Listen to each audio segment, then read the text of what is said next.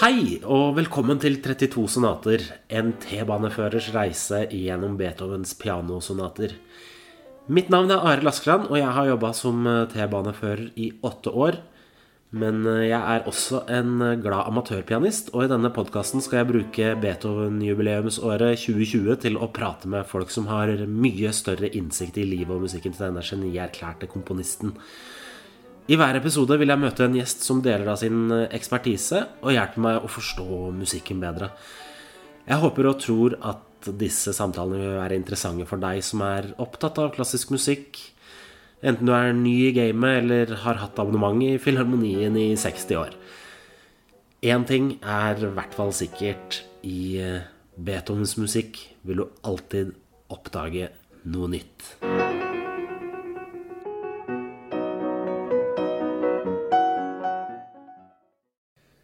Dag snakker jeg med Wolfgang Plagge. Wolfgang var bare tolv år gammel da han gjorde sin oppsiktsvekkende klaverdebut i Oslo foran også selveste kong Olav 5. Og, og har også vunnet flere nasjonale og internasjonale priser og legater.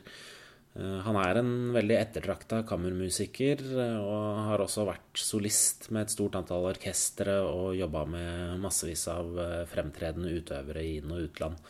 I voksen alder så har han imidlertid vært mer fokusert på komposisjon. Og hans verkliste omfatter mer enn 130 verker som spenner fra liturgisk musikk til symfoniske verker, og også hovedvekt på klaver og kammermusikk. Wolfgang er også ansatt som professor i interpretasjon ved Norges musikkhøgskole, og det er på hans kontor på Majorstua at vi møtes for en prat om Beethoven.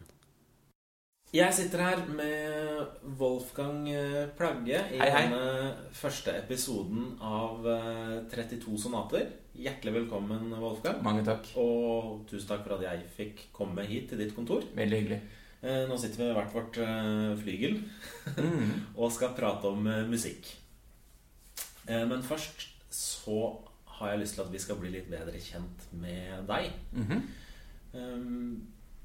Kan vi ikke bare begynne rett og slett å snakke om dine, din, din vei inn i musikken? Det er vel ganske mange som vet at du har drevet med musikken en stund. ja. Men kan du ikke, kan du ikke snakke litt om hvordan, hvordan, hvordan musikken kom inn i ditt liv da du var Det hender jo at jeg eh, får spørsmål om når jeg begynte å spille. Og da må jeg helt ærlig si at jeg kan ikke huske at jeg ikke har spilt. Og mine omgivelser påstår at jeg da tvang meg til å begynne å spille piano da jeg var to. Eh, Jeg har ingen mulighet til å sjekke det. Jeg får bare stole på at det er sant. Og uansett så vet jeg jo at jeg var veldig opptatt av lyd veldig tidlig. Mine første minner om lyd går tilbake til en dag jeg sto opp full av forventning til min egen konstruksjon. Et, et glassharmonium av noe slag. Da hadde jeg funnet ut at eh, ved å ha forskjellige mengder vann i glassene, så kunne man stemme dem. Og da hadde jeg altså laget, syns jeg selv, et helt perfekt eh, diatonisk system med en siderskala med alle glassene som fantes i huset. Og så dukker jeg opp neste morgen, og så er jo alt ustemt. Hvorfor? Fordi noe vann var fordampet, men det verste av alt, det var kommet luftbobler i mange av glassene. Så jeg måtte begynne forfra. Det syns jeg var så dårlig gjort. Så jeg ble holdt på i og play prosjektet. Da var jeg tre. Det husker jeg veldig godt. Da var jeg tre. Og så husker jeg også at um, ikke lenge etter det så hadde jeg um, fått kikhoste. Og det var veldig leit, for jeg måtte ligge ganske lenge og syntes ikke det var noe gøy å ligge og ikke få øve. Så jeg fikk til slutt da en notebok, husker jeg, av en tante som het Hiawattas sanger. Okay. Og da satt jeg i sofaen og leste de Hiawatta-sangene istedenfor å spille dem. Og så oppdaget jeg på et eller annet vis at eh, det der merkelige grafiske bildet av rundinger og, og streker, det ga plutselig et bilde. Altså et slags sånn der eh, sånn prikk-til-prikk-tegning. Jeg kunne begynne å se at eh, notehodene til sammen skapte et bilde. Og det, de bildene husker jeg faktisk veldig godt. Da var jeg altså en, rundt fire år.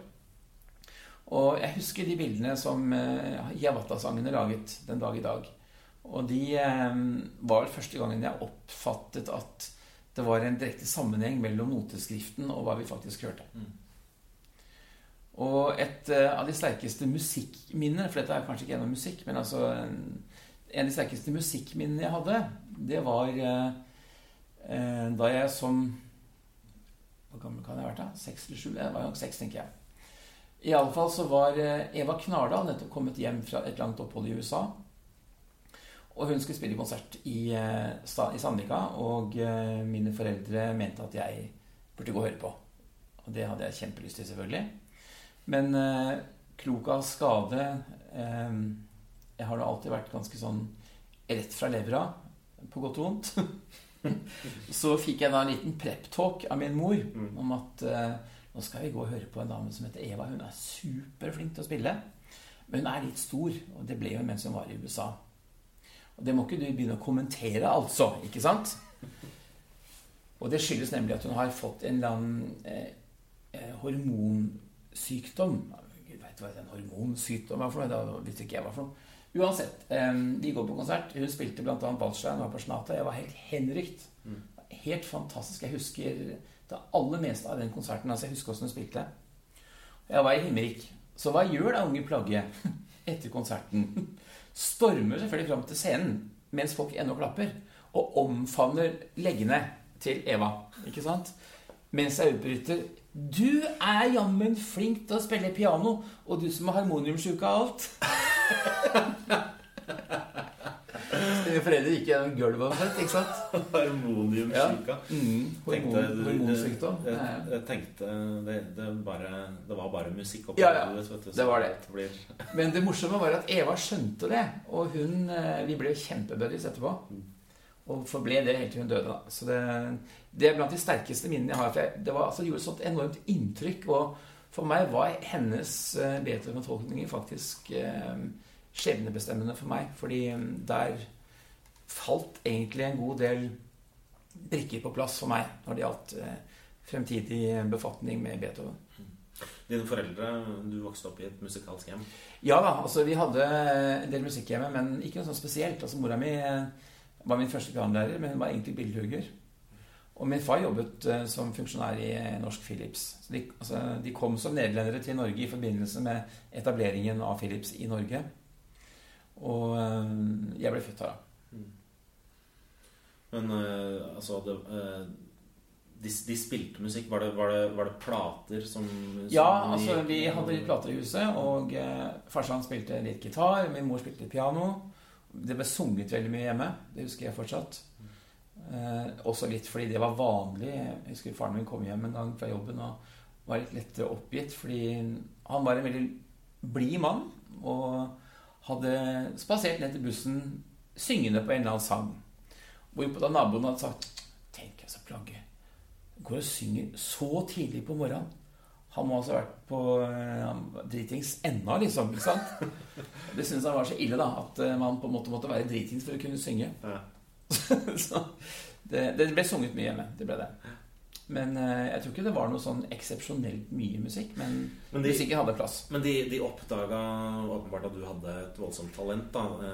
ja, altså... Det, at, en, at en treåring klarer å lage en, en durskala med, ja. med, med vannglass. Ja. Det... Nei, det er nok sant. Og de eh, oppfattet det. Og mm, som innvandrere også, så er man jo ekstra forsiktig med å dytte fram unga sine. Eh, vi bodde i et eh, ganske nytt boligbyggelag hvor det var mange barn i gata òg. Og jeg fikk faktisk lov å være veldig vanlig unge i gata. Men tvang meg sjøl til å få øve om dagen også. Mm. Så det var ikke slik at jeg ble gitt beskjed om at nå går du og øver så og så lenge hver dag. For det, det var egentlig bare moro. Altså jeg, det var blant de tingene jeg likte å gjøre og måtte gjøre på et vis. Var det fordi at du visste at du kom til å bli musiker? Jeg visste ikke det, men jeg hadde bare et veldig veldig sterkt bilde av meg som skapende musiker, som komponist. Mm. Så eh, jeg ble aldri trøtt av å forsøke å finne ut hvordan folk egentlig ordla eller notela seg, om du vil, i musikken. Så det var fryktelig spennende. Jeg satt gjerne og leste partiturer på do. Så det var noe av det det deiligste jeg kunne gjøre. Bare sitte helt i fred og lese en eller annen ny symfoni eller et eller annet. Det var kjempegøy. Og da har jeg også et veldig merkelig minne Da må jeg kanskje ha vært i begynnelsen av tenåra. Så satt jeg jeg skrev spisebord hjemme, og så sier jeg plutselig til mutter'n i dag opplevde jeg noe rart. Så da leste jeg en for meg helt ukjent Mozart-symfoni. Og så plutselig så visste jeg åssen den fortsatte, før jeg bladde. Og så sier moderen hvilken Å ja, men det er ikke noe rart! Og hvorfor ikke? Nei, for den hørte vi på under hele svangerskapet. Unnskyld, sa jeg. For det var en av de få platene vi hadde i huset før jeg ble født. Det var en symfoni som da gikk ofte om igjen. ikke sant? Og den må jeg altså da ha hørt, for den, den skiva gikk i knas da jeg var ett eller to år gammel. Så eh, den symfonien har jeg altså da hørt under hele svangerskapet, tydeligvis. da. Mm. Og det er en evig diskusjon hvorvidt barn hører i, i magen til mora si. En del folk mener jo at man ikke gjør det. Jeg er ganske overbevist om at man hører. Ikke minst fordi vann er en langt bedre lydleder enn luft. Mm. Og det er veldig interessant. Mm. Um, satt du og improviserte? Satt du og skrev? Uh, jeg skrev tidlig også, men Det var en av mine største utfordringer faktisk når jeg fikk en ny sang. Så syntes jeg det var så gøy å, å, spille på den. Og så begynte jeg å se på alternative utganger av sangen. Mm. Og um, før jeg visste ordet av det, så fikk jeg altså uh, millioner ideer om hvordan den sangen kunne ha fortsatt. Mm. Og så hadde jeg heldigvis da også en pianolærer som forsto at det ikke var noe man skulle stoppe. Tvert imot skulle man stimulere det. Hvis man bare kunne være sikker på at ungen også gjorde jobben sin, kan du si. så kunne jeg improvisere så mye jeg orka. Det var jo jeg vet ikke, det er, det er, sikkert ikke noe særlig av det, uh, av det uh, nå til dags, men, men uh, ettersom jeg har forstått det, så, så var det i, i, tidligere tider veldig Et veldig fokus i klassiske musikkretser på, ja. at, på at musikk skal spilles sånn som det står. Og at, mm. at, man skal, at, man skal, sky unna den uskikkelige, ville musikken ja. som, som, man, som, improviseres og, og. Altså Jonathan Swift, stor eh, eh, engelskspråklig, men ikke engelsk, nemlig irsk forfatter, han skal en gang ha sagt om en engelsk kollega eh, Sir, I'm looking forward to being able to passing water on your grave. Altså på godt norsk. Ja. Jeg gleder meg til å tisse på din grav. Det er ikke særlig pent. Jeg har noen ganger følt litt det samme overfor Thomas Edison. Forklar. fordi, fordi, eh, det er faktisk fonografen, og etter hvert av vanlige eh, plateinnspillinger og CD-innspillinger, som har tvunget musikken inn i et konkret spor. Bare sånn og ikke annerledes. Og eh, det tror jeg skjedde ganske ubevisst, men folk eh, hadde inntil de begynte å samle på eh, eh, musikkruller, etter hvert eh, steinkaker og til slutt også CD-er hjemme, så hadde jo ingen noen, noen absolutt forestilling om åssen musikkstykket skulle spilles. Mm. Men så fra 20-30-tallet av så begynner altså musikken å få en slags eh, standardiseringsmodell som det var om å gjøre å forsøke å etterstrebe. Og det har jo aldri vært i de klassiske komponistenes tanker at man skulle kunne tvinge folk inn i én måte å gjøre noe på. Det er som å kjøpe et bilde og henge det på veggen på et vis. ikke sant? Det er ikke interessant. Så fram til Edisons um, plateutgivelse begynte å dukke opp, så var, var det en selvsagt ting at du spilte slik du følte for.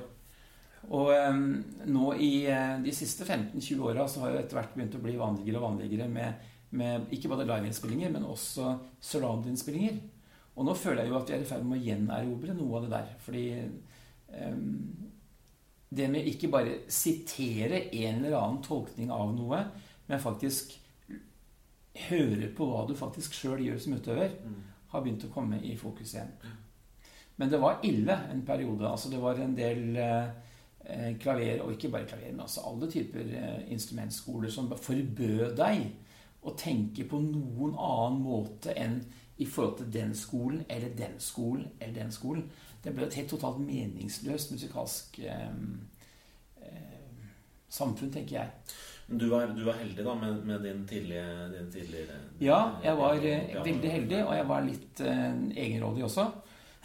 Slik at jeg egentlig aldri har eh, hatt behov for å la meg fange av en spesifikk skole. Og dermed tror jeg at jeg ganske tidlig klarte å finne frem til min egen måte å tilnærme meg stoffet på. Ikke sånn å forstå at jeg absolutt har behov for å oppfinne hjulet på nytt, for det trengs ikke. Men det går an å se for seg mange andre måter å bruke et hjul på enn å bare trille på en steinfelg, f.eks. Mm. Um, du ble jo Altså, som voldsomt talentfull unge så fikk du jo selvfølgelig da masse oppmerksomhet. Du, ja. du ble jo en slags barne, du ble en barnestjerne. Ja, og det skyldes vel to ting. For det første at jeg syntes det var gøy å holde på med det jeg holdt på med. Men også det at vi hadde bare én TV-kanal i Norge den gangen. Mm. Kom du på TV-en, så hadde alle automatisk sett deg. Mm. Det er ikke slik at du har 100, 150 TV-kanaler som det er et eller annet venner på overalt. Um, så var du nå en gang tilfeldigvis på TV-en, så ble du automatisk kjendis. Mm. For det var den eneste kanalen folk hadde. Og det eneste man så på de få timene det ble sendt hver kveld. Så dermed så ble det jo en happening når noen kom på TV-en. Det er jo en, en, voldsom opplevelse da, for et barn, er det ikke det? Hva, ja, jeg husker det ikke sånn, fordi jeg var så liten da det her skjedde, at uh, jeg rakk egentlig aldri å utvikle noen sånn der ærefrykt for akkurat det. så jeg um, hadde et veldig naturlig forhold til uh, medier fra ganske liten av.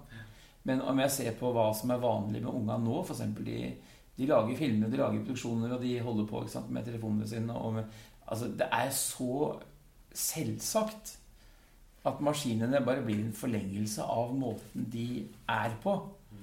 Så den eh, redselen som eh, hver eneste generasjon føler for ny teknologi, den er heller ikke her antagelig særlig begrunnet, fordi eh, ungene har et avslappa forhold til eh, medier som min generasjon egentlig aldri klarte å opparbeide seg. Mm.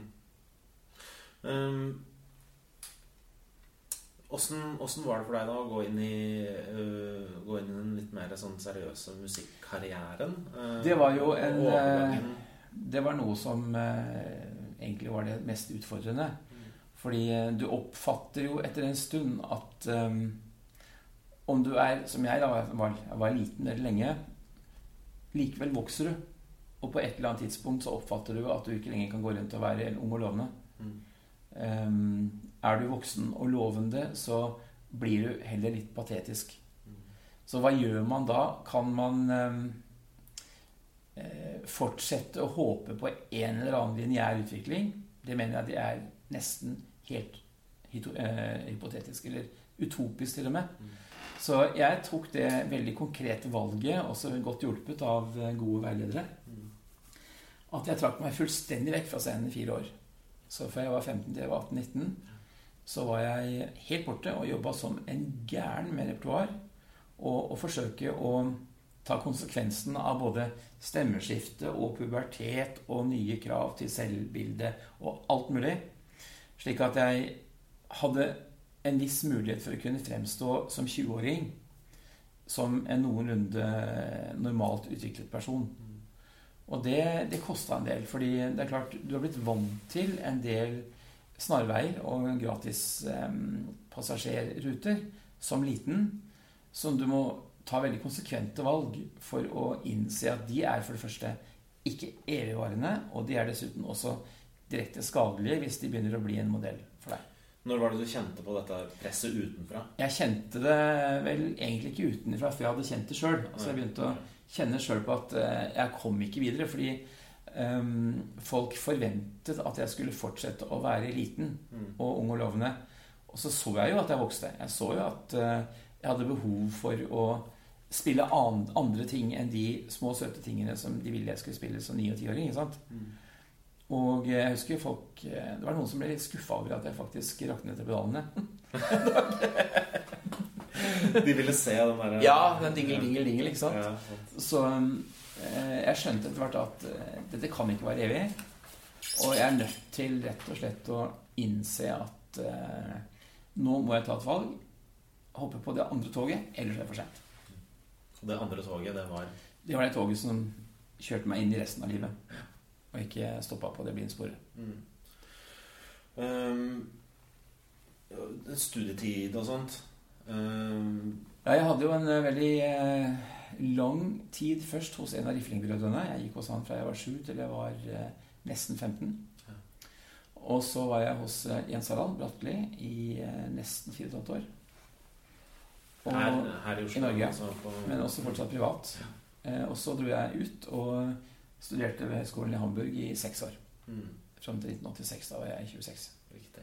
Eh, Jeg har hørt en historie om deg eh, på, på vei inn på universitetet. Det må vel ha vært i Hvor, hvor var det, sa du? Berlin? Nei, i Hamburg. Eh, Hamburg, ja. Um, så nå Jeg håper for guds skyld at du kan bekrefte den, og ikke avkrefte den. For jeg syns det er en sånn fantastisk bra historie. Um, uh, komposisjonsstudier Også, ja. ja. Mm. For historien jeg har hørt, da, er eh, du, du satt i, i, i, et, i et intervju, i en samtale, eh, i, i, da, du skulle, da du skulle inn på studiet, og ble presentert et, et, et partitur ja, ja, hvor du, fikk, hvor, du fikk, hvor, du fikk, hvor du fikk i oppdrag å, å, å komme med en kommentar Ja til det du sa her. Ja. Og det du sa, var da det som tarmer. Ja, den er sann, den.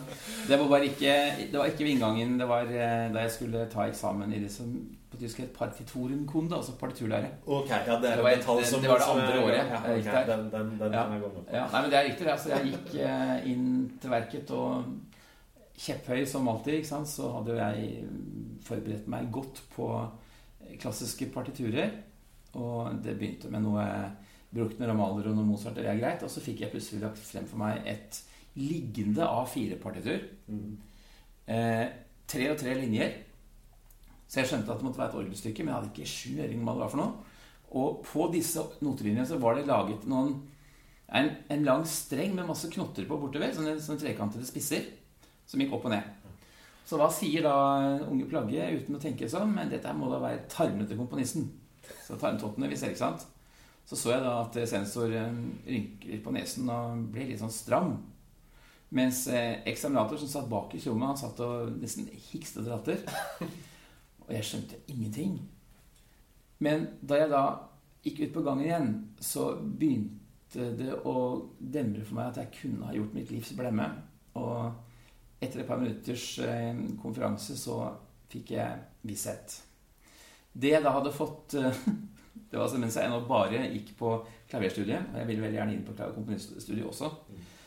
Eh, Det jeg hadde fått presentert, det var et orgelverk fra 1960-tallet av en av de helt store modernistene, Judge Ligeti.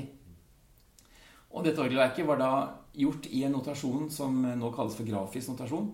Hadde ikke jeg sett før. Selvfølgelig tabbe fra meg, burde jeg selvfølgelig ha satt meg inn i. Ehm, så jeg kommer da istedenfor å innrømme at oi, dette vet jeg ikke noe om, så kommer jeg med en morsom, tror jeg, kommentar. Men A. Den morsomme kommentaren burde jeg spart meg i en eksamenssammenheng. B. Dette verket av Ligeti burde jeg kjent, fordi det er viktige verk i modernismen. C. Den mannen som satt bak og hiksta latter, det var Ligeti. Det er det jeg syns er så Ja. Så Ligeti eh, blir altså da vitne til at en av hans eh, tilkommende studenter dreit ut hans egen musikk. Ja. Og da hadde han jo vært i sin fulle rett til å bli rasende og hive meg ut. Men han fikk altså i stedet latterkrampe, og neste morgen da hadde jeg ikke sovet, for jeg skjønte hva jeg hadde gjort for en blemme. Eh, neste morgen så sa jeg bare før jeg gikk fra hybelen min, kjære Gud, la meg aldri møte Ligeti noen gang igjen. Første jeg går på skolen, er Ligeti. Nei, herr Plage, vi sind eure ihre Gedärme heute. Sånn, Hvordan er tarmene i dag? Å, kjære jeg var, jeg var så flau at jeg, kunne, jeg visste ikke hva jeg skulle gjøre av meg. Så, um, så sier han Mögen Sie kaffe? Ja takk, tar jeg en kaffe. Ok, ich spendiere Så satt vi bare litt rundt bordet og drakk kaffe. Jeg trodde jo at jeg drømte, ikke sant. Og så sier han at han hadde hørt fra min klavierlærer klaverlærer at jeg også komponerte. Så kan jeg få se, herregud, hva skjer nå? Så jeg viste ham eh, skjelvende et par noter. Og sånn, Nicht schlecht.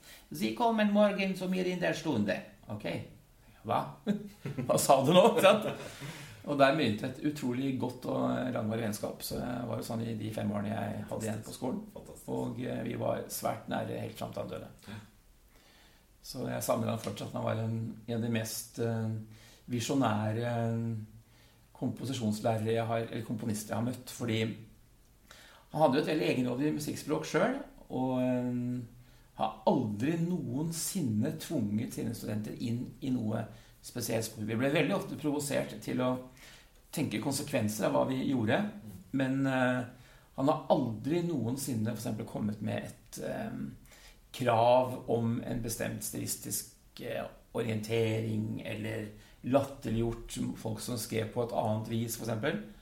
Langt ifra. Han var alltid på jakt etter hva som egentlig befant seg innunder skalpen på de personene som skrev noe. Så han var en eh, ganske unik eh, person også som formidler, vil jeg påstå. Jeg Kan anbefale alle som eh, hører om Ligeti for første gang nå, å titte litt på musikken hans, for det er det Det er en gullgruve. Ja.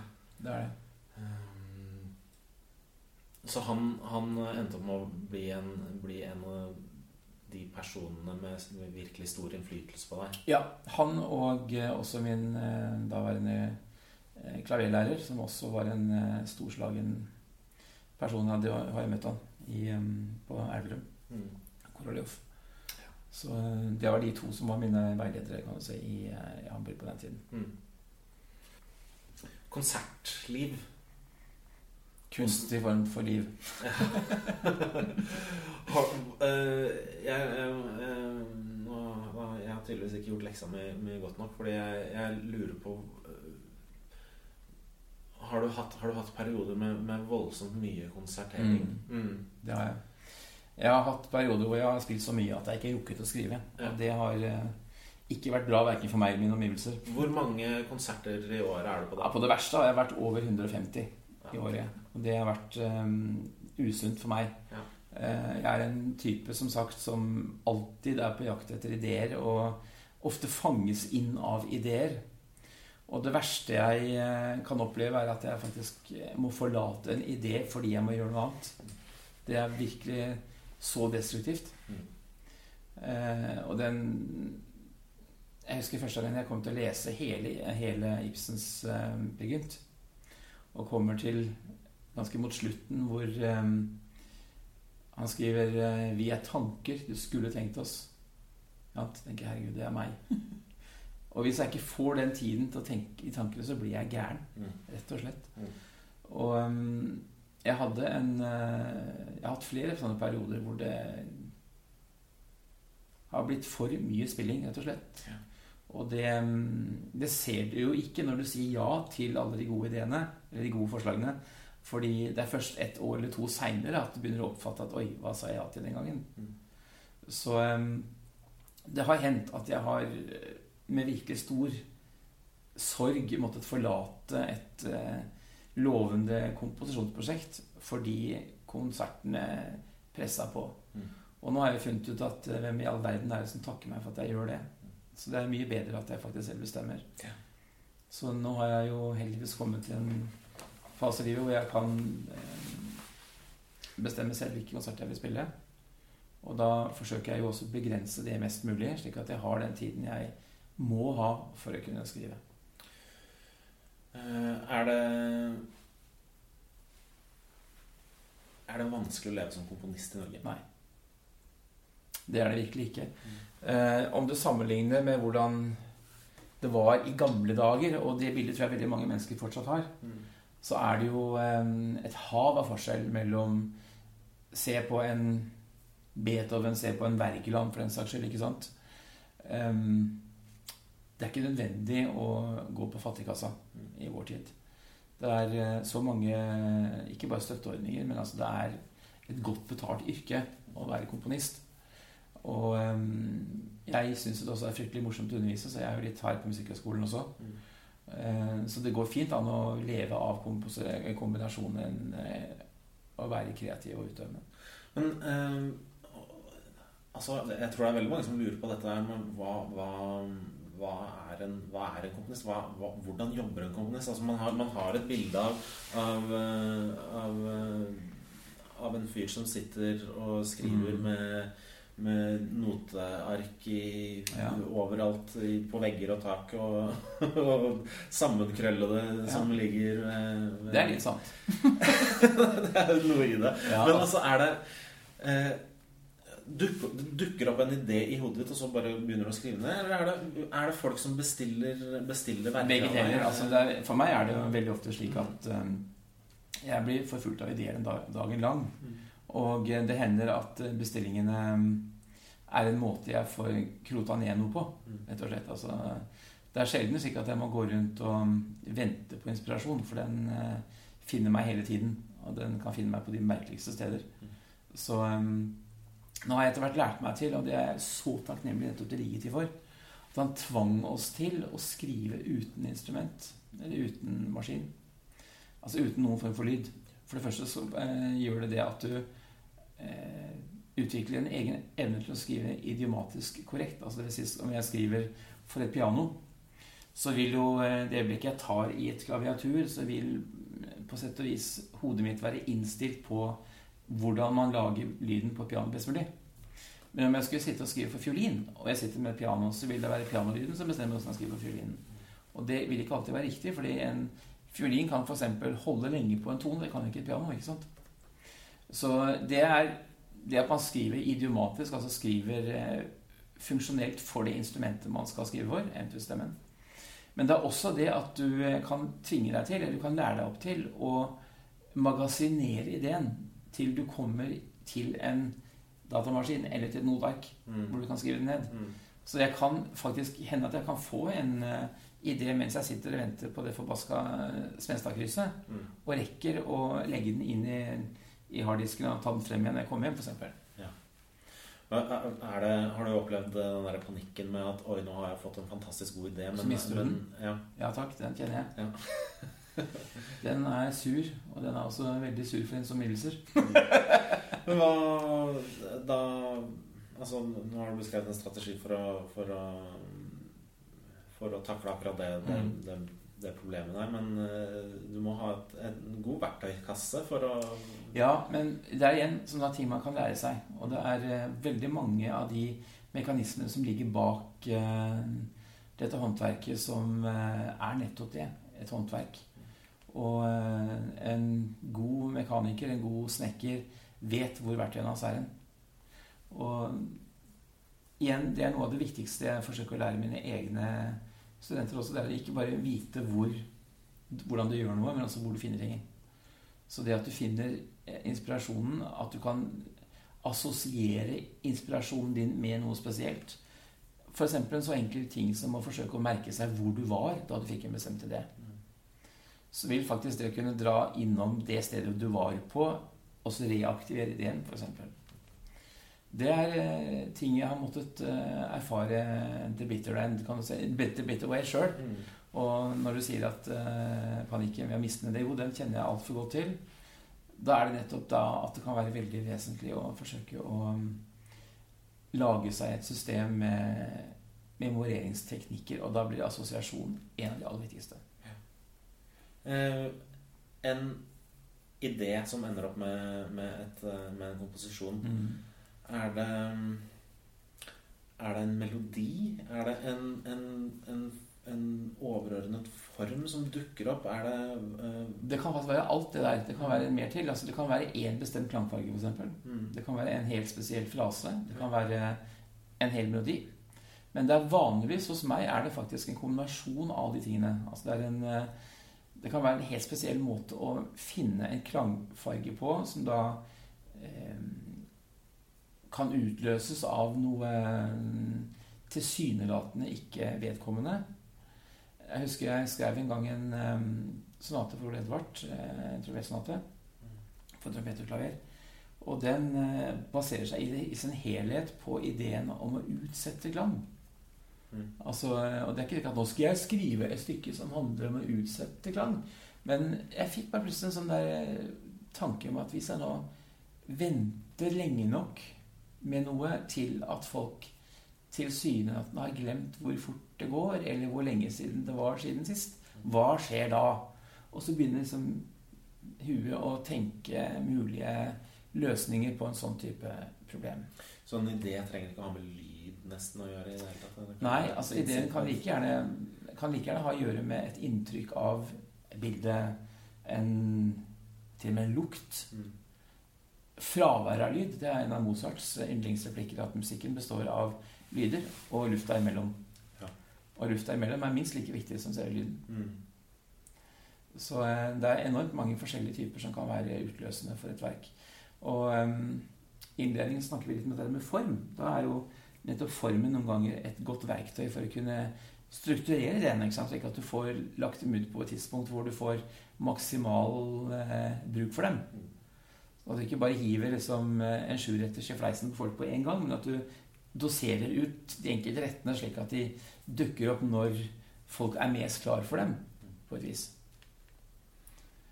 Da kan det hende eksempel at eh, du er nødt til å bygge opp under folks klarhet, slik at de altså eh, etter hvert begynner å kjenne at det er noe de er på jakt etter, uten at de vet hva det er ennå.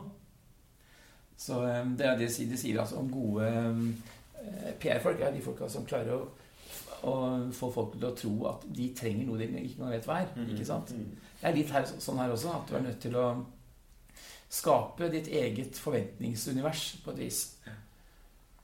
Så um, jeg kan ikke si at det er én konkret type ideer som dukker opp i hodet mitt. Det kan være virkelig alt mulig med himmel og jord. En bestemt konkret lyd, en bestemt melodi, en frase, et motiv. Fravær av et motiv, eventuelt um, et motiv som uh, truer med å stikke av. Gå en annen vei enn jeg vil. ikke sant? Eventuelt en bestemt instrumentklang. Alt det kan være fascinerende sider ved det. Um, Beethoven 2020. Uh, han er 250 år i år. Uh, det er derfor uh, jeg ønsker å lage denne podkasten. Den store føl, historie. Føler du du kan si noe om hans måte å, å jobbe med denne prosessen? Ja, Beethoven er jo et uh, geni. Men han er også et produkt av en tid. Og um, jeg syns alltid det er veldig nyttig å se Beethoven i sammenheng med sin egen fortid. For um, 14 år før hans fødsel så blir Mozart født. Og Mozarts eh, oppsiktsvekkende barnestjernekarriere vet jo alle noe om. ikke sant? Eh, man vet at han reiste omtrent land og sand rundt den hele den kjente verden, så å si.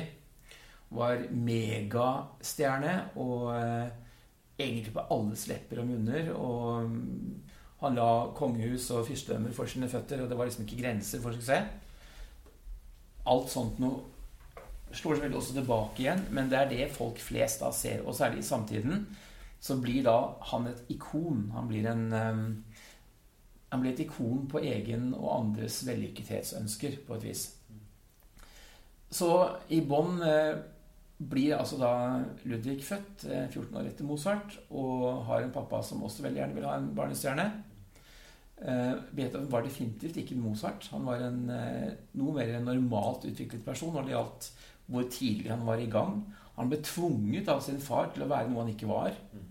Han ble også fratatt sine to første leveår ved at pappaen eh, lot som om han var to år yngre enn han var. Det trodde han selv ganske lenge. Eh, og han ble rett og slett et offer for en eh, ganske forkvakla foreldres måte å drive en unge nesten i stykker på. Og da tenker jeg at Beethoven, som da generelt var litt sent utviklet også kroppslig, han eh, oppfatter etter hvert da at han er musikant på tross og ikke på grunn av sine foreldre. Altså særlig sin mor, da. Sin, sin far. Um, så det kommer inn et element av trass veldig tidlig. Ja. Og når trassen begynner å manifestere seg som et ungdomsopprør, så får han hjelp av den franske revolusjonen. Ikke sant? Så du kan si at det ble på et vis eh, den måten han kunne manifestere sin egen motstand mot systemet på, ved å bli raddis, rett og slett. Så han ble et, um, et opprørsindivid som mange ikke forsto, og som noen tror jeg forsøkte å tolke bare kunstnerisk. Jeg tror at eh, minst halvparten av opprøret hans rett og slett var å finne i de ganske umenneskelige oppvekstforholdene hans. Og at han, eh, når han da først så muligheten til å gjøre opprør, som han da gjør i ungdomsårene, så skjer det noe i Frankrike som han på en måte kan henge seg på. Og dermed så blir det jo et veldig dramatisk eh, første møte med den uh, unge Beethoven. Altså når han da begynner å skrive og sette opus-nummeret, altså verknummeret, på sine verk, så er han jo på en helt annen planet enn f.eks. Mozart. Så uh, da har han riktignok allerede skrevet masse musikk før, som da delvis er bevart, bl.a. en klaverkonsert som da etter hvert har blitt uh, kalt konsert nummer null et verk fra 1784 hvor han altså var 13 år. Mm. Og det verket, det glemte han jo bevisst eller ubevisst. Det forsvant egentlig i historiens mørke inntil det dukket opp på 1920-tallet. Mm. Og eh, ble Altså, stemmesettet var borte, så han som fant det i et eh, støvete eh, arkiv, han het Willy Hess, og Willy Hess klarte da å rekonstruere stemmesettet. Og vet du hvor han ble fremført? Nei. I Oslo. 1930. Yes. Med Willy Hess som solist. Det er ganske morsomt. Så Mozart er Beethovens klaverkonsert nummer null låter som Mozart. Ja. Men eh, så skjer det altså noe. Fordi eh, fra 1784 til 1789 så er Beethoven eh, langt på vei en eh, ganske sånn rastløs og litt aggressiv sjel som eh, bl.a. ble tatt eh, red-handed på epleslang hos naboen. og sånn. En helt annen type enn eh, en, eh, Mozart. Altså, hvis noe, så mye nærmere Harry Potter, altså. så så han, han, blir en helt annen type. Han blir, en, eh, han blir seg sjøl, mer eller mindre, fordi han eh, er nødt til å slåss for den han er. Mm. Og han har jo en del store og sterke skjellsettende møter med datidens store skjønnhånder, særlig etter at han kommer, til, kommer, seg til Østerrike. Han møter Hayden, han går en stund hos Hayden, han møter Mozart bl.a. Um, ehm, og han preges av ikke bare de møtene, men også erkjennelsen av hvor annerledes han er. Hayden er fortvila fordi eh, jeg har denne unge van Beethoven som student. og For en begavelse, skriver han i et brev til Michael Hayden. Men han kan altså ikke engang sette en parykk rett på hodet. Så det blir på en måte et kriterium for å være vellykka. ikke sant? Mm. Eller um, det å um, bevege seg baklengs ut av et rom hvis det er en adelig person i rommet, det ga jo Beethoven blanke ikke sant? Altså, han ble oppfattet som ubehøvlet.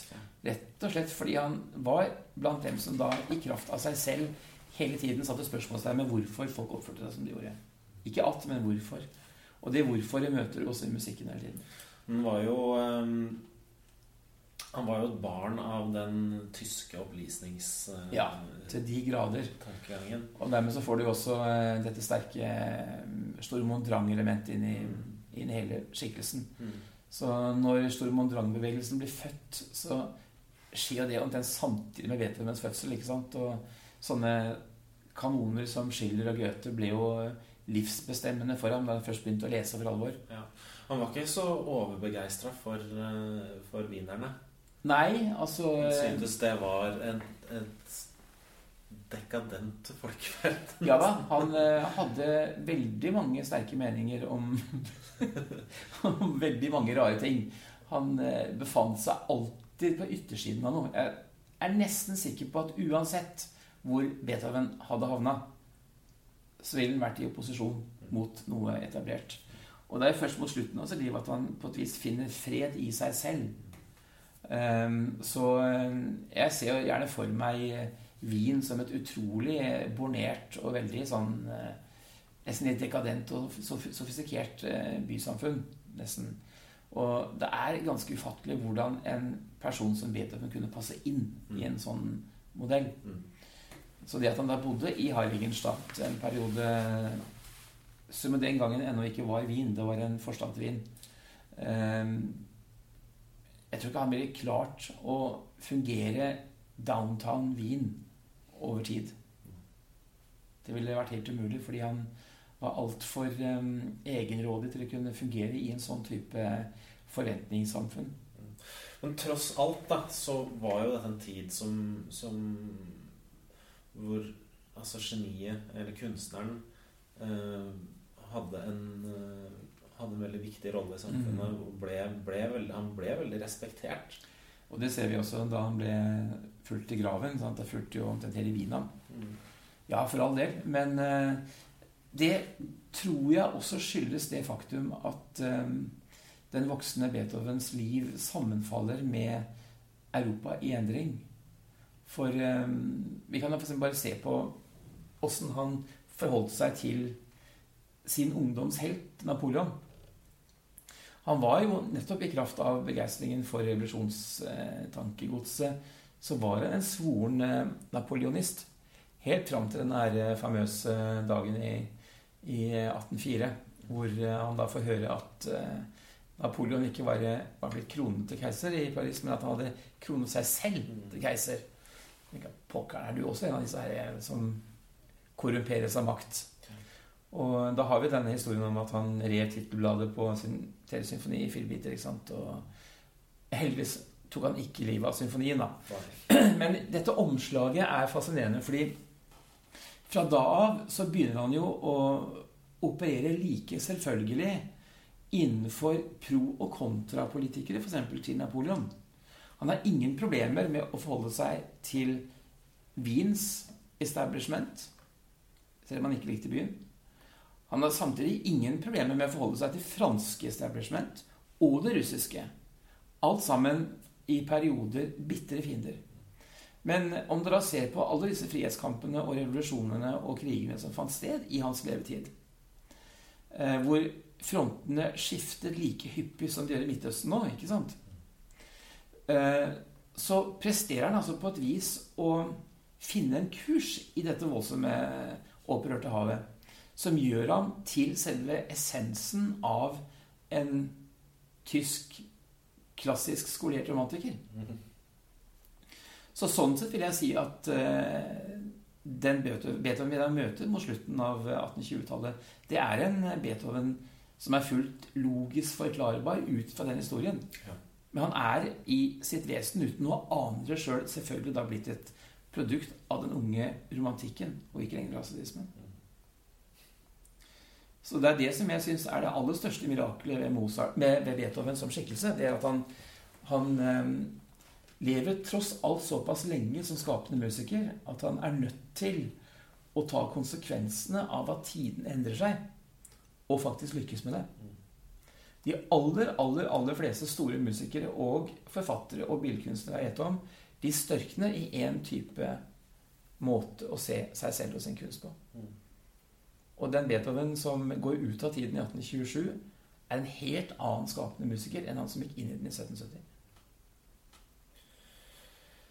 Dette er altså en podkast som heter 32 sonater. Eh, nå skal vi teste konseptet. Mm. Fordi eh, vi skal nå se på i, Nå er vi i episode én. Vi skal se på sonate nummer én. Mm.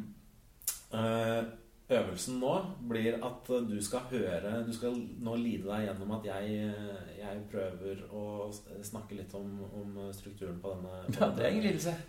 denne komposisjonen.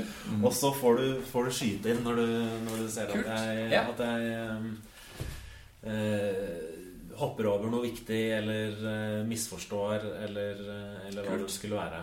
Ok? Men, men vi, vi Ja. gjør et forsøk. Ok. Dette er altså en sonate som ble skrevet i På slutten av 1790-tallet. 95, tror jeg. 25 år gammel Beethoven. Ja. Eh, Det er opus nummer, eh, opus nummer to. Det betyr jo at det er eh, at det er, på veld- én for at det, at det, er, at det er veldig tydelig. Eh, eh, Men det, som, du, som du nevnte i stad, så betyr det ikke at det er det andre han skrev. Nei. Han hadde jo skrevet veldig mye musikk eh, Mm. tidligere. Ja. Men dette var da det, noe, det, noe av det første han ga ut. Eh, Mm. Og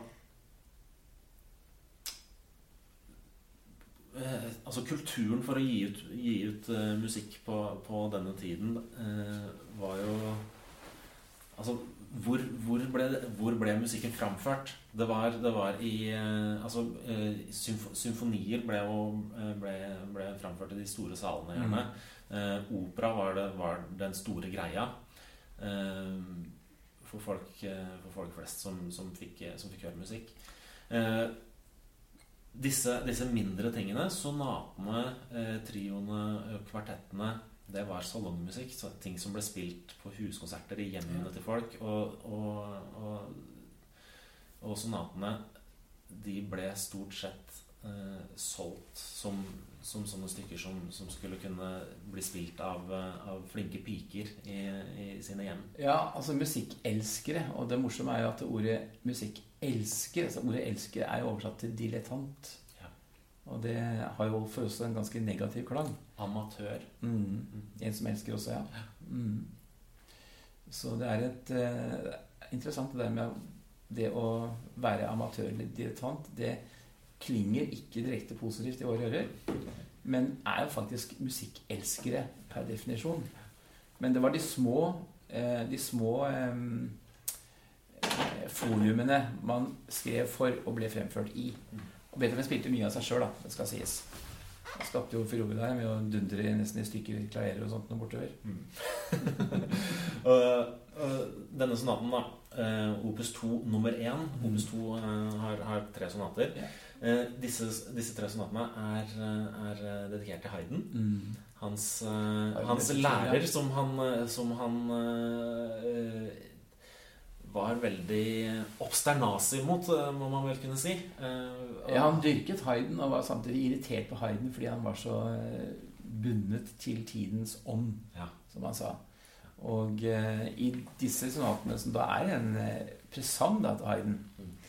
Så bryter han jo helt systematisk hver eneste regel som finnes i boka. ikke sant? Og det er jo til Haydens store frustrasjon. Men kjære, jeg har jo lært deg hvordan du gjør dette her. Ja. So Ikke sant? ikke sant? Og, og det, er, det, er sånne små, det er sånne små hint om, om, mm. den, derre om eh, den eh, obsternasigheten. Mm. Eh, også i, i uh, inskripsjonen, uh, hvor han skriver Josef Hayden uh, 'gewidmet'. Yeah. I stedet for å skrive en, en stor takk til din, ja, til din evige disippel, eller, mm. eller noe sånt, så er det bare det minner jo veldig om den talen Sjostakovitsj holdt da han ble overjakt Lenin-prisen. Dette var altså etter Stalin. Mm. Men Sjostakovitsj var jo den fysisk for lengst knekt. Og på 1960-tallet så var jo for så vidt Sjostakovitsj superstjerne i Sovjetunionen igjen. Men også han holdt jo hele livet på seg selv og sitt eget.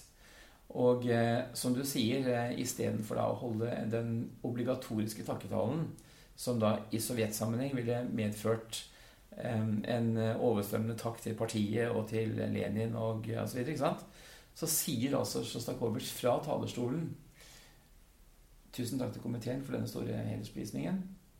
Alt jeg noen gang har gjort, alt jeg noen gang vil komme til å gjøre, og alt jeg kan, skylder jeg min mor. og det gikk jo et gisp gjennom forsamlingen. så, så, her er det litt på, på samme måten. Altså, eh, kort og konsist tilegnet Haydn. Punktum. Yes. Og jeg har en sånn liten personlig greie med at jeg, jeg ser for meg liksom Beethoven sitte og skrive det her mm. med stort glis. Ja. Ha, han skal få dusten! Ikke sant? Ja, ikke sant? Litt sånn. Og så får han det midt i fleisen da, når, ja. vi, når, vi, går inn i første satsen mm. her. Uh, Allegro. Uh, det, vi er i F-moll. Mm. Uh, dramatisk toneart. Ja. Um, og et, et, motiv som han jeg leste, jeg leste nå i forberedelsene der her, mm. at, at det, det, er et motiv som han, som han skrev mange år tidligere. Um, og, en, og gjort om her for å um, hylle sistesatsen fra G-moll-symfonien til Mozart. Um, Stemmer det. Ikke sant? Helt sant. Uh, og det er et, det er et veldig, det er et veldig sterkt motiv. Eller altså eh, det har en, det har en styrke ved seg. Mm. Og er, en, eh, er det som vi kaller for en Mannheim-rakett, mm. har jeg lært. Ja, eh, fra, fra Mannheim-skolen. Ja. som er da bare en, en, en, treklang som beveger seg oppover mot Ja, himmelen. sånn fanfare som eh, virkelig skal påkalle seg folks oppmerksomhet. Fordi det var slik at folk sto og snakket og spiste kanapeer, og, og så begynte plutselig musikk. Å, gud, det skjer visst noe der borte! og da er det jo veldig ålreit hvis det smeller litt fra starten av. Ja. Når folk får det med seg. Det går riktignok i piano her, eh, men, men det, er, det er en voldsom intensitet i Du blir, du blir fanget. Og vet du hva jeg syns er kanskje enda mer interessant? Kompen. Den der. Ja. Det er allerede fra starten av Beethovens Det er Skjer det søren sant, det. Ja. Så helt fra begynnelsen av så er han i gang, altså. Ja.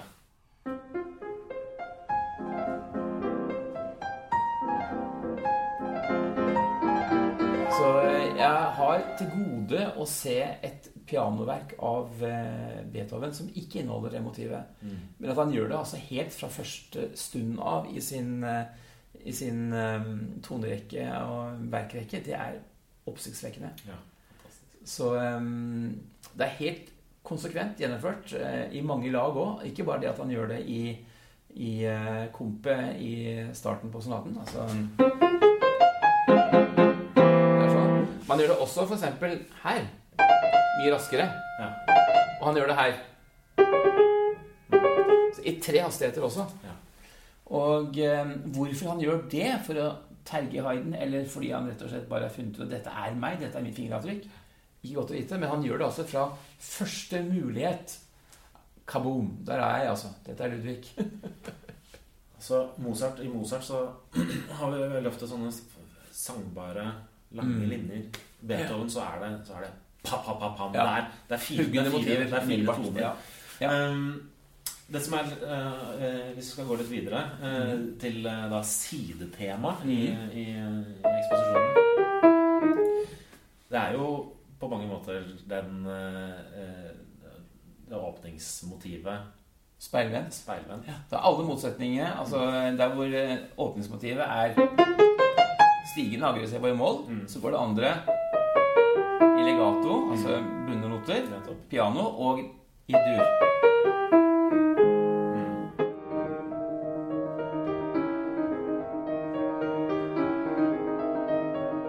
Men det er, men det er likevel, det er likevel et, et veldig sånn um, Det er et mollpreg. Um, Mm. Altså i en, i en, i en sonate I en er så, så skal det være det skal, eh, det skal være tydelig dur når det er eh, Når det er eh, Når hovedtonarten går i moll. Sa Haydn, ja. Ikke sant? Ikke sant? Der kommer det. Ikke sant? Her så er det overraskende, overraskende mye mål før, Ja. før han liksom helt tydelig lander da, på ja men på- selv, selv, selv eh, vet, ja, de andre tingene som er typisk for Beethoven, er jo dimakkordene. Ja. Og Selv i epilogtema bruker han den der. Så han fraviker jo konsekvent, så langt han kan, Mm. hele tiden det heidenske mønsteret. Um, her også, den, den siste akkorden i, Mm. eh, i eksplosjonen har jeg bare skrevet, eh, notert eh, i notene mine. Beethoven. Ja, helt sant.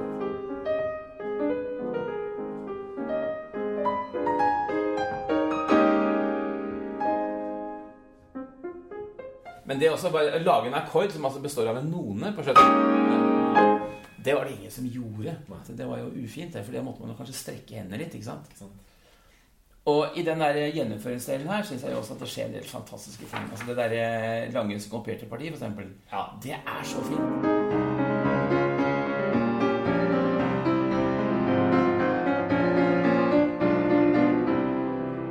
Dette er jo vilt, ikke sant? det er, det er um, Altså, som du sier, da, den, den eh, um, eh, Raddisen Beethoven Altså, det Mm. er en, det er en veldig Det er en veldig tydelig eh, rocker. Under, Han er under, veldig uryddig, og eh, derigjennom Altså, han er uryddig sett i tidens ånd. Mm. Men han er jo ekstremt ryddig i sitt eget hode. Ja. For det er på plass alt sammen, altså. Det er liksom ikke noe spørsmål om, eh, om hva han er ute etter her. Men folk var veldig begeistra da, de- hørte dette. eh, Ja, fordi han eh, jo også fant sitt publikum. Mm. ikke sant? Eh, Det er også noe greia med at det forumet hvor man da spilte slik musikk, tross alt ikke var større enn at det var stort sett sine likesinnede han kom til. Mm. Når han da møtte de store publikumsmengdene, så var det bråket også ble større. Fordi da ble han sett på som den uforståelige eller litt sånn håpløse. ikke sant? Den Hvorfor så mye bråk, herr van Beethoven? Ja. Men jeg hører også veldig med til historien at, at uh, på sine unge dager så var det uh, Så var det som, som, utøver han egentlig gjorde det virkelig stort. Mm. Uh, spille sine egne, sine egne mm. komposisjoner i, i salongene, og, og, ikke minst improvisere. Ja. Liten parallell der også. Altså, jeg kom over en sånn førstegangsutgave av dette store, flotte norske bokverket 'Musikkens verden'. Mm. Er flotte, tjukke boka vet du, med trebind og lærrygg og sånn. Ja. Og jeg tror det kom i 1956-1957. Altså etter Stalin-tiden og også etter Prokofjevs død. Og Prokofjev, som da dør samme natt som Stalin i mars 1953, omtales der som sovjetisk pianist, ikke som komponist. Mm. Det er ganske utrolig. Det er, det er sånne paralleller. Mm. Eh, Og så føler det er verdt å, å bare nevne, nevne, de siste taktene her. Ja. Og avslutte, avslutte, på den måten der. Det er, også... det er ja.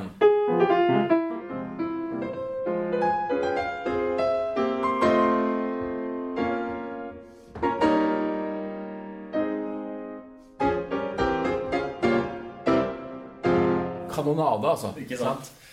Uh, og så hopper vi videre da, til, til uh, langsomsatsen, som verden. Det kan ikke bli mer annerledes, nesten. Og, og, og, her er det jo nå igjen kommer jeg med en bastant uh, mening. Uh, dette er uh, veldig konvensjonell En ganske konvensjonell sats. I hvert fall sammenligna med de foregående. Jeg tror det er gjort med vilje. Fordi, eh, altså, Ja, den er konvensjonell i betydningen av at den er langt mer forutsigelig. Det er veldig lite slemt som skjer her. Men det har også en sammenheng med toneartsvalget. For han skulle jo da, eh, ifølge boka til eh, Hayden, om han da først hadde valgt F-moll som toneart, så skulle han skrevet i Astur. Ja. Ikke sant? Og så går han da i stedet da til den rake motsetningen til F-dur, som er vårtomaten. Den grønne tomaten. Og da må ting være preget av at nå spirer og gror det, hører kurvitten der, og der kommer det jammen en liten rev. Altså det er veldig, veldig sånn eh, hands on natur. Men selv der, altså, er det enkelte elementer som um, ikke passer helt inn i, uh, i selve bildet av hvordan det egentlig skal være. Mm. Og det er særlig så her for eksempel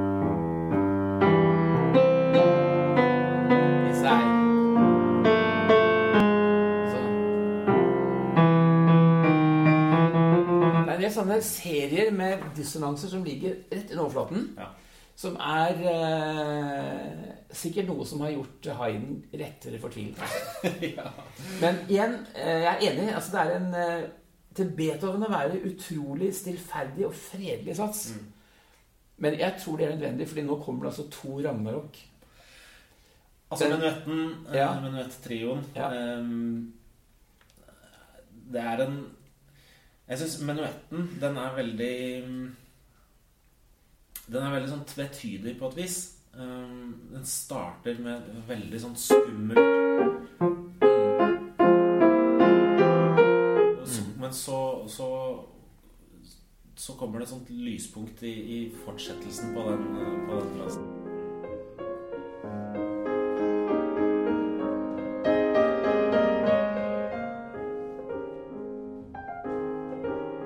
Det gjør det, men du vet eh, Hver eneste gang han truer med å bli en eh, mainstream eh, menuettkomponist, mm. så tråkker han jentene på tærne. Mm kommer alltid en aksent på gærent sted. Ja.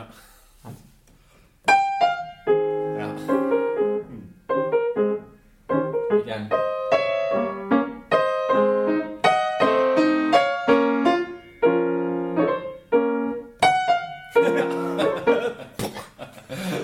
Trynet. Og så, og så med, med, den her voldsomme fortissimoen i oktaver. Ja.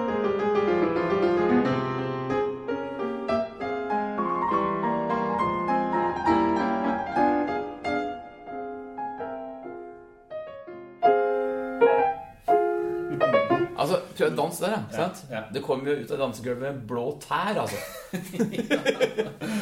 Så, men, men trioen er, er, er noe veldig trøstende med, da. Ja.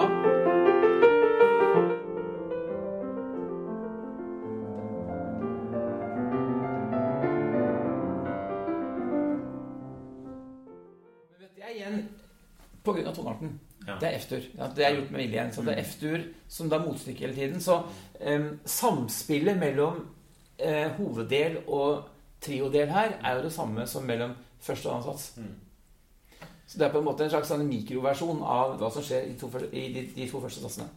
Eh, la, oss, la oss gå til siste satsen, og det er en voldsom presisme. Og her, Ja. her kommer det virkelig? Og der tenker jeg at Noe av det mest spennende er den der bruken av mikroskopiske motiver. Altså for eksempel Du får se liksom fråden i munnvikene.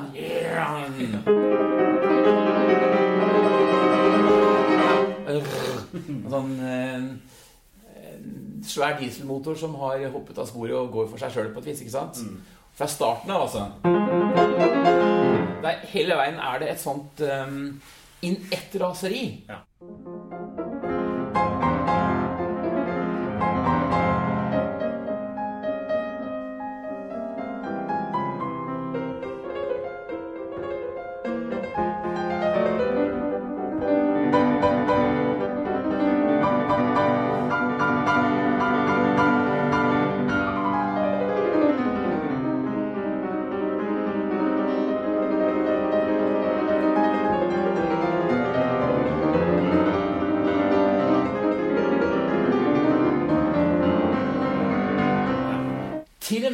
Det her.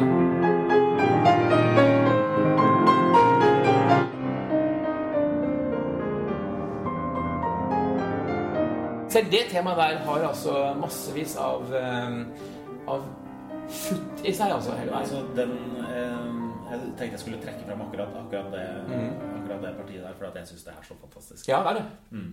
Men du vet, én radio som Hayden må ha reagert på som en stokken gris. Fordi F-moll Her endelig blir dominanttonearten C introdusert. Men ikke som C-dur, men som C-moll. Så igjen er det altså mot eh, eh, Altså han gred bikkja mot hårretningen hele tida, altså. Så jeg har jo ofte tenkt at eh, Hayden må jo ha vært helt fortvila etter dette her. Det, for han har jo helt, eh, helt sikkert sett mesterskap også i eh, disse stykkene og forstått at dette er noe som eh, ikke lar seg endre på, for det er fullkomment på sitt vis. Men det skal ikke være sånn! Så eh, Nei, dette er skiller i eh, et ungt menneskes sinn, tenker jeg. Um, jeg vet ikke om det er så Det er ikke så fryktelig mye mer jeg har lyst til å si om det. Jeg Nei. synes i den, i den eh, det, det, det er veldig tydelig dette her med, med disse, disse triolene i, Ja. som går gjennom absolutt hele og gir den et veldig voldsomt kraftig driv. Helt sant. Men det er også noe altså, Hvis du ser sånn helhetsmessig, tenker jeg at uh, det er noe som fascinerer meg med denne mannen, og det er helhetstankegangen gjennom årtiene. Fordi altså, han slutter sin første pianosonate med Altså en lang F-moll som går i veien. Og så slutter med en enkel note. Ikke sant?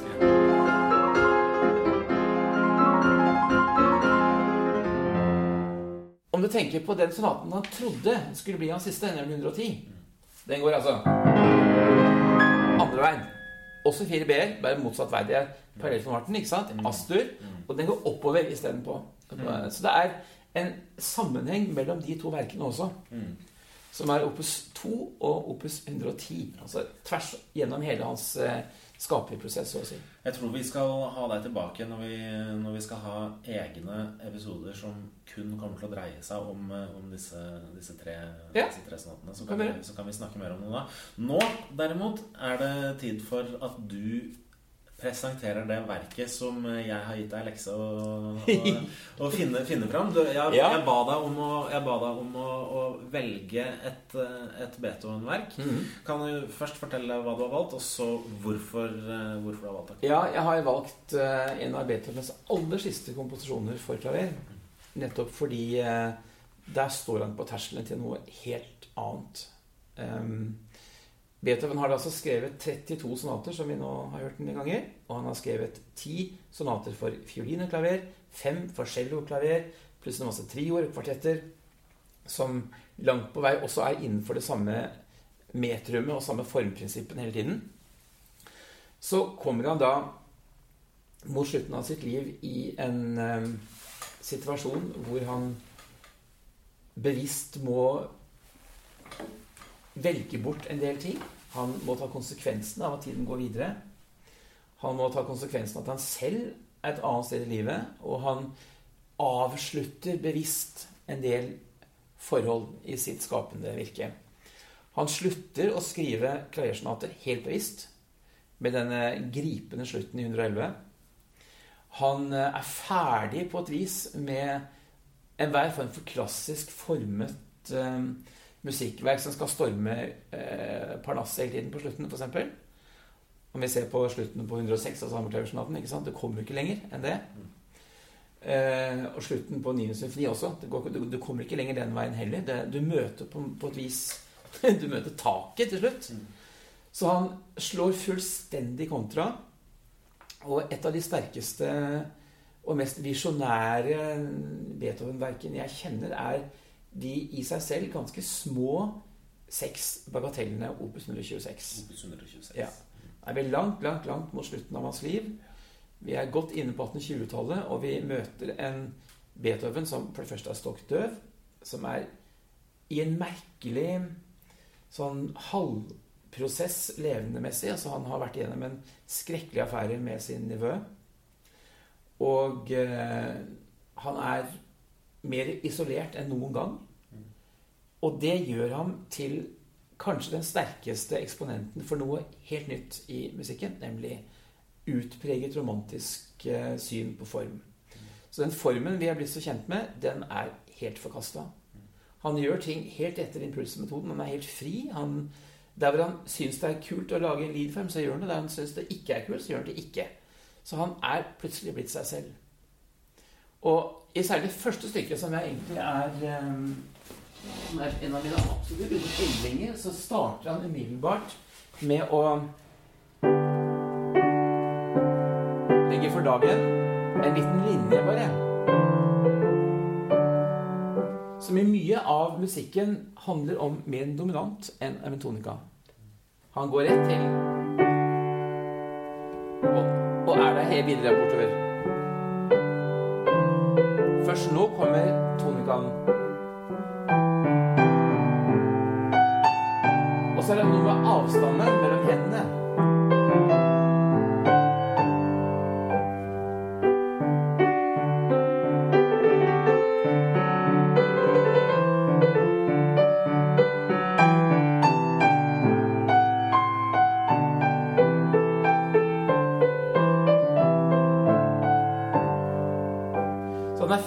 Tilgang til en, en romantisk måte å lage melodi på som vi ikke kjenner fra andre enn Schubert på den tiden. Og eh, han begynner å rykke i metrum, altså eh, i begynnelsen her sånn. Er vi fortsatt i den samme takten? Men nå kommer det hemioler i bildet.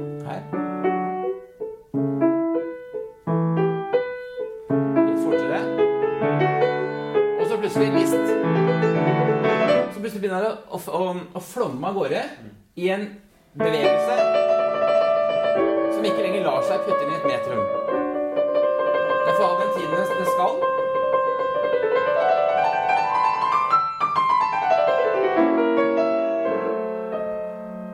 Og her møter vi nå Beethoven i ytterpunkter. Dyp bass, høy diskant.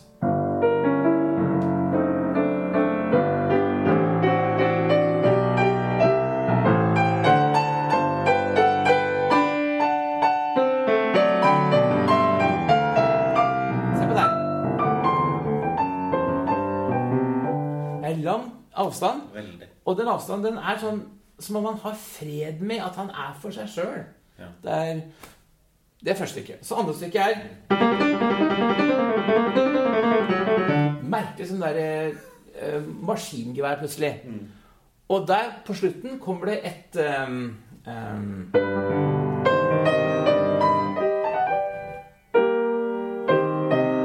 Og så kommer følgende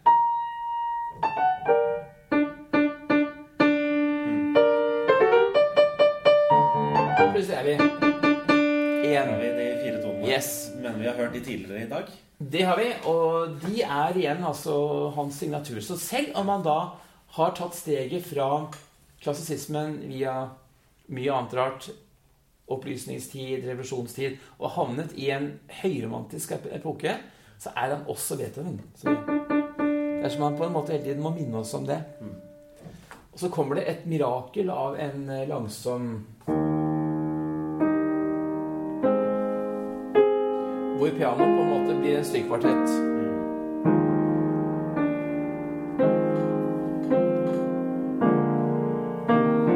Det er så, så utrolig stykke, fordi det har ingen annen enn én eksponentlinje. Det er ikke noen annen form enn at det bare går fra punkt A til punkt Å. Og slutten er ehm,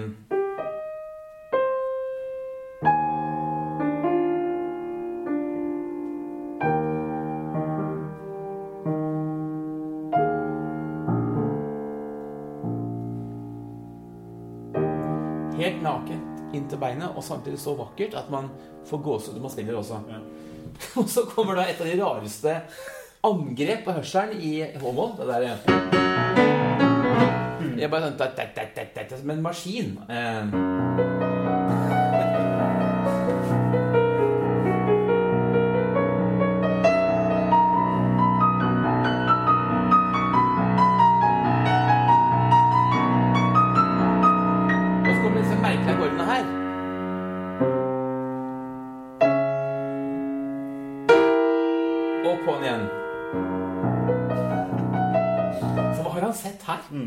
Sant? Dette er jo eh, en type digitalisert musikk som i hvert fall er 120 år for, for sin tid. Ja. Så um, denne rare, sånn eh, helt uforklarlige metrikken plutselig i et A-B-A-B-stykke, også ganske spesielt formmessig, Ja. helt etter innfallsmetoden. Og så er det femte stykket i en nydelig liten sak i G-dur som på sett og vis tar litt eh, tilbakevending til den første. Som er sånn.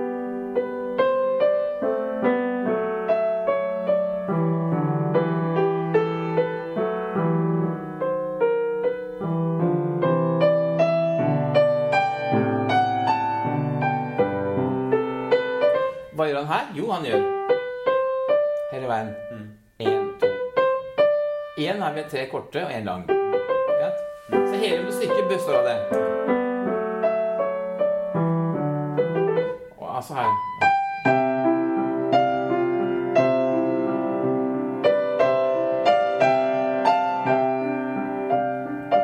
Det er en sånn plutselig enkelhet tilsynelatende over det hele som eh, lurer på hvor i all verden kommer dette fra. Så går han igjen inn til en sånn landingsfase som er av en annen verden. Jeg tenker at eh, det stykket også, akkurat som det tredje stykket i den syklusen, det går fra et punkt og går et annet sted. Han tar et lite eh, sånn tilbakeblikk til dette motivet her på slutten. Men det er akkurat som han har forlatt det. Han er på vei ut i den ytterste høyre enden av klaviaturet, så bare blir han borte.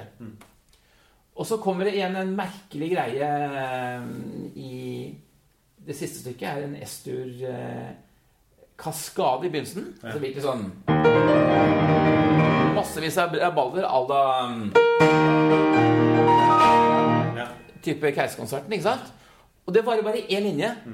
Og så er vi igjen i en merkelig sånn rar eh, romantisk fase som jeg tror ingen i samtiden helt kunne skjønne, men som ble normbestemmende for alt det som kom fra 1850-tallet oppover. Så Brahms eh, refererte til det stykket der som en av de store øyeåpnerne for seg. Når det gjaldt f.eks. sånn som eh,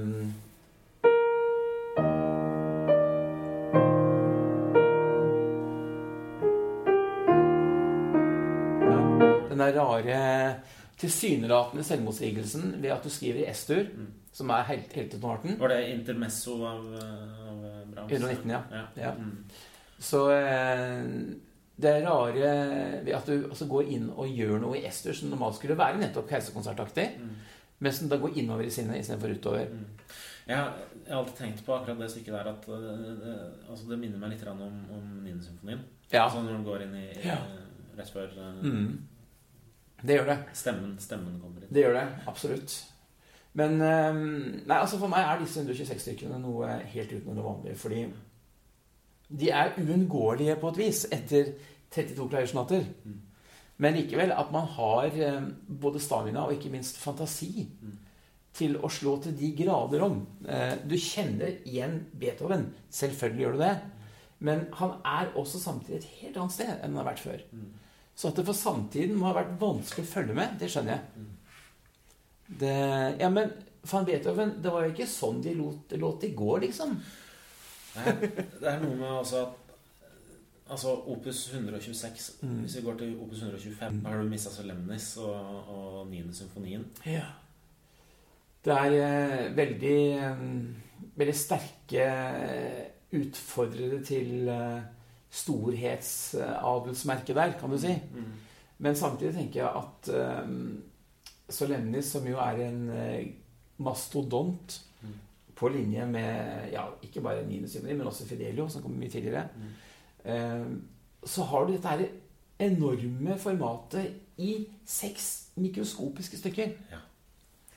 Så eh, det er ikke grenser for hvor langt han våger å gå innenfor dette mikroformatet. altså. Mm. Så det skjer nesten like mye i ett av stykkene i 126 som det gjør i hele 125. Det er så rart. Ja.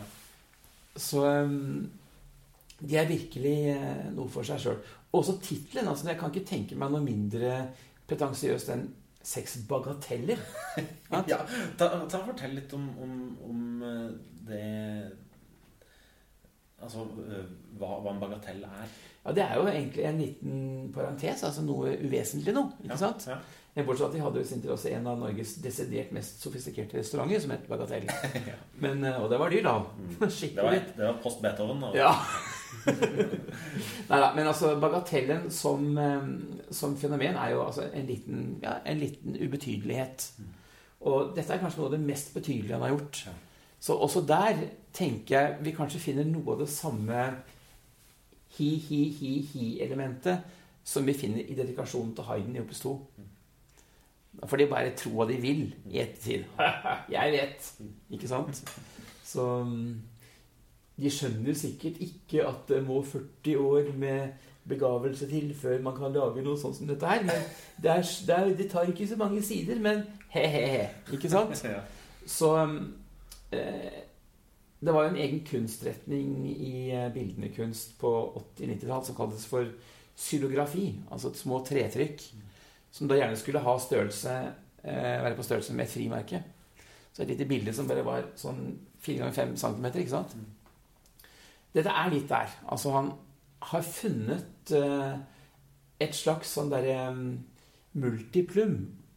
Dette er essensen i andre kjempeverk, men uttrykt med akkurat det som skal til for ikke å gå over streken formessig. Altså, det er um, så smått at det er mulig å plassere på, et, på en konvolutt, men samtidig så inneholder det alt. Så det å forminske formatet ved derved å akselerere prosessene i verket Der tenker jeg at han foregriper eh, mikroskipen, rett og slett. Mm. Så eh, Nei, jeg har mange store favoritter hos Beethoven, men akkurat 126 er jeg, eh, blir jeg aldri trøtt av å, å se på, fordi de er De er i et helt ubegripelig format. Det er altså rett og slett en eh, løve i en en mus kropp, om du vil. Jeg, jeg syns med, med, med sånn som disse, disse stykkene her Mm. uh, og andre lignende um, em, såkalte småstykker det, det har så utrolig mye større nedslagskraft i, i meg når jeg får det sånn som, sånn som vi sitter her nå i et Mm. lite rom. Det er, ikke, det er på en måte ikke eh, Selv om, selv om eh, formatet er, eh, er veldig stort i et mikro, eh, mikrolandskap, mm. eh, så, så, er det noe med det som, som eh, gjør det litt vanskelig når du får det i en stor konsertsal. Det blir feil forum. Mm. Altså Det blir så intimt, det blir så privat, mm. at man sitter og lurer på hvorfor alle disse menneskene er her. Ja. Ikke sant? Og derfor hører vi hører jo aldri den musikken her. At, Dessverre. Og det gjør ikke Beethoven heller. Han var jo døv alt, ikke sant. Ja. Så, ja, Men det er faktisk et poeng. fordi jeg tenker han, han satt der og førte sine private musikksamtaler inni sitt eget hode. Mm. Det er jo noe av det mest intime og noe av det mest private du kan, du kan møte. Og det betyr ikke at du ikke møter mange f-er og mange p-er i den musikken. Men det betyr at du møter um, et uh, format og et univers som er så konsentrert at det nesten føles litt uh, som helligbrød å tråkke rundt på en stor scene med det. Mm.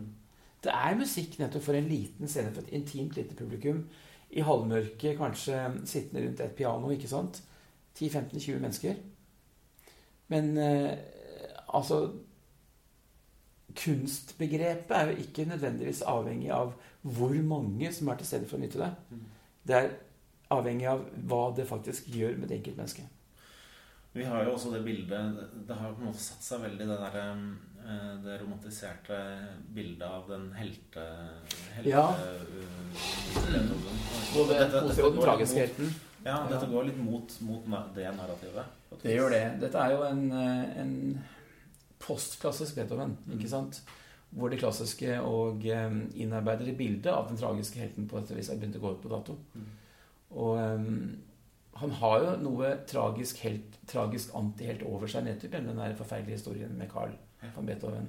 Det er, det, er ikke, det er, ikke, alle som kjenner den historien. Med, Nei, Carl var også Beethovens nevø, og uh, den, den uh, døve Beethoven mente at um, han var en langt bedre oppdrager for Carl enn Carls egne foreldre. Og uh, dette var en situasjon som etter hvert ble ganske utholdelig, fordi Beethoven ikke var i stand til å innse at han forfulgte et uh, fantom her. Carl ville mye heller være hjemme. Han ble gjenstand for en tragisk uh, rettsprosess hvor Beethoven dra, dro sin egen bror og svigerinne for retten for å få frademt den retten til å være forsørgere for sin egen sønn. Og uh, i den prosessen så oppdaget Beethoven etter hvert at det fantes to separate rettssystemer i Østerrike. Et for eh, adelige og et for ikke-adelige. Og han begynte da plutselig å hete ikke Ludvig van Beethoven, men Louis von Beethoven. Hvorpå han da fikk trikset rettssaken inn for en adelig rett og vant den. Så det ender da med at eh, han blir tilkjent formynderskapet over Carl. Carl er eh, tidlig i tenårene i eh, en veldig formbar prosess, selvfølgelig, men samtidig var han ikke noe begeistret for utfallet. Han så jo sine foreldres tragedie også, selvfølgelig, og han led fryktelig selv.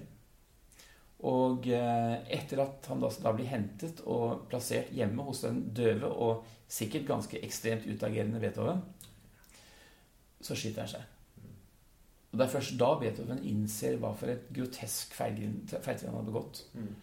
Eh, nå overlever ikke Carl. Han eh, overlever skuddet, men eh, bare selve det selvmordsforsøket som en kommentar til maktesløsheten ved å bli fradømt dine egne foreldre det er jo en, det er en uhyrlighet.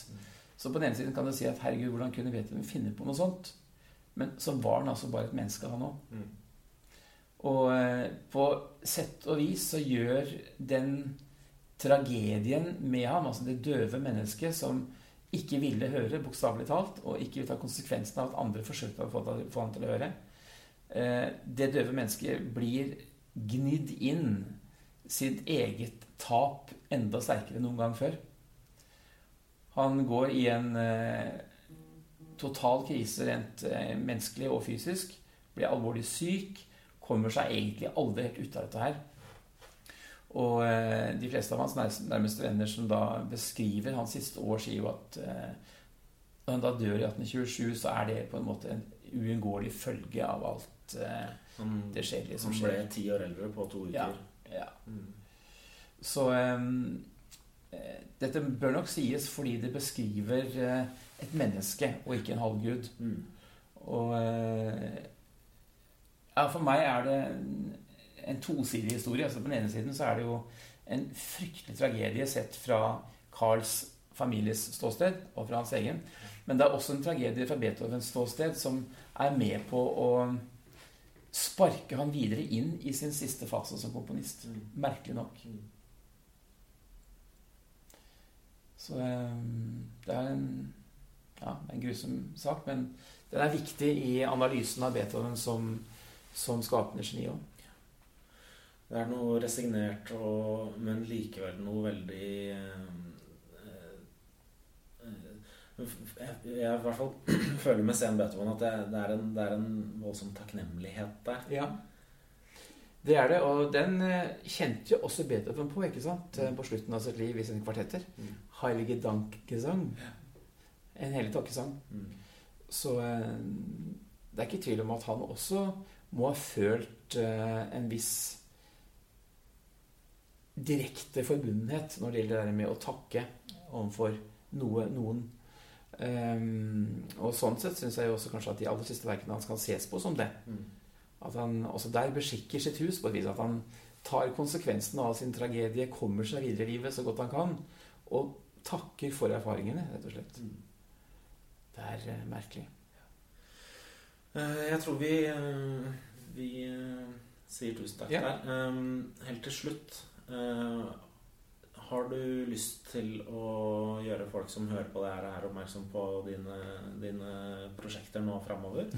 Har du noen Ja. konserter, noen Jeg har det, vet du. Jeg har, eh, fremføringer, et eller annet? Akkurat nå sitter jeg og jobber datt og dag egentlig med legger siste hånd på en opera som skal eh, til Elverum Nei, til Elverum, til, til Røros neste måned. Det er et uh, spennende prosjekt basert på eh, Falkbergets uh, 'Nattens brød'. Med Kølfogden Hedstrøm og uh, Ann Margritha som hovedpersoner. Mm. Og jeg har et prosjekt gående som skal fremføres i Russland. En konsert for fire saksofoner, kammerorkester og klaver. Og så er det et mindre kammermusikkverk for hardingfele og klaver og klarinett. Altså veldig morsomt. Og oppi det hele så holdt jeg da på både med en annen stor opera i tillegg, som handler om den nederlandske kunstforfalskeren, skråstrek kunstneren, han Van Megeren, og rettssaken mot ham i 1947.